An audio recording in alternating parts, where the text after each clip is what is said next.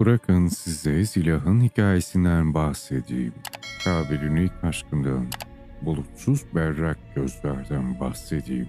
Kabil'in en yeni evlatlarından biriydi. Onu o denli arzulamış mıydı? Ama onun Kabil'in arzusuna karşı pek de cevap verdiği yoktu. Hatta bunu ondan tamamen esirgedi. Kabil'in yaptığı hiçbir şey onun buz kadar soğuk kalbini ısıtmadı. Ne hediyeler, ne fedakarlıklar, ne muhteşem kokan büyüleyici parfümler. Dansçılardan en iyi şarkıcılara, hatta adaklardan onun için yaptırdığı heykellerden. İpek kadar yumuşak ve göz alıcı elbiseler dahi işe yaramamıştı. Ve sonra Kabil bıraktı onu ve geceleri vahşi doğanın içinde kol gezmeye başladı. Ve bir gece Kronlardan biri olan yaşlı bir cadıya denk geldi.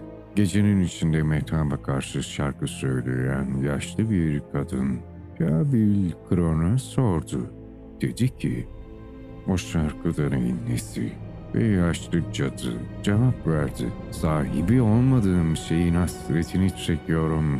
Kabil ise bunun üzerine bence öyle kabullenmekten başka elden ne gelir?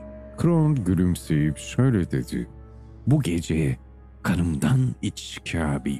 Bir ertesi gece bana geri dön. Ve sonrasında sana mehtabın irfan ve ilmini öğretirim. Kabil Kron'un çıplak boynundan içti. Ve orayı sessiz bir rüzgar gibi terk etti. Sonraki gece Kabil Kron'u bir kayanın üzerinde uyurken buldu. Ve uyan Kron geri döndün dedi. Kron gözlerini açtı ve dedi ki "Ah, bu gece senin için bir çözüm gördüm rüyamda. İç kanımdan bir kez daha. Ve yarın gece tekrar geri dön. Bir kase getir. Keskin bir bıçak getir. Cevabı sana o zaman söyleyeceğim. Ve bir kez daha Kabil Kron'un kanından aldı. Ardından kanının sahibi derin bir uykuya daldı. Bir sonraki gece Kabil geri döndüğünde yaşlı cadı ona baktı ve kocaman gülümsedi. Hoş geldiniz sevimsiz canavarların lordu. Aradığınız bilgelik bendedir. Biraz daha kanımdan al, dök getirdin kaseye.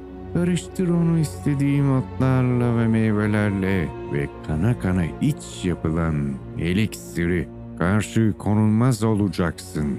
Cezbedici olacaksın. Efendisi olacaksın. Hararetli bir ateş gibi olacaksın. Parlayacaksın. Silahın kalbi bahardaki karlar gibi eriyecek. Ve ardından Kabil hiç düşünmeden Kron'un iksirini tek bir yudumda içti. Ve Kron kahkaha attı. Yaşlı cadı yırtınırcasına kahkahaya boğuldu. Sahtekarlığıyla onu kandırdı. Onu tuzağa düşürmüştü. Kabil kıyasın ötesinde bir öfkeye kapıldı. Onu ortadan ikiye parçalamak için elini kaldırdığında yapamazsın dedi.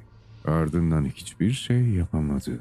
Koca karı kıkırdadı ve öp beni dediğinde Kabil onun yaşlı gözlerine ve buruş buruş cildine şehvet duydu.